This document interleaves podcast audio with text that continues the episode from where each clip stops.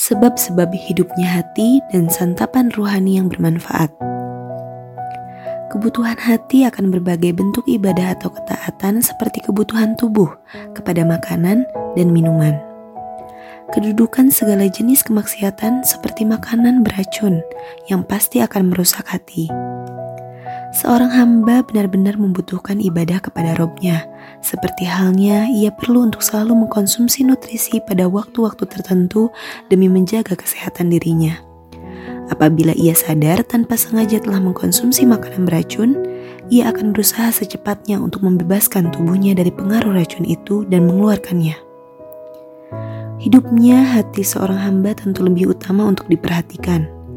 Jika hidupnya badan membuatnya lancar dalam beraktivitas, maka hidupnya hati membuatnya bahagia di dunia dan akhirat.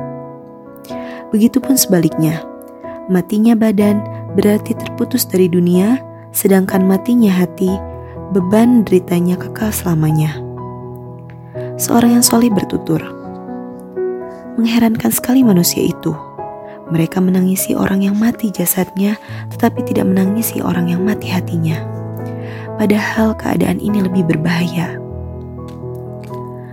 Maka jelas, seluruh ketaatan adalah mutlak bagi hidupnya hati.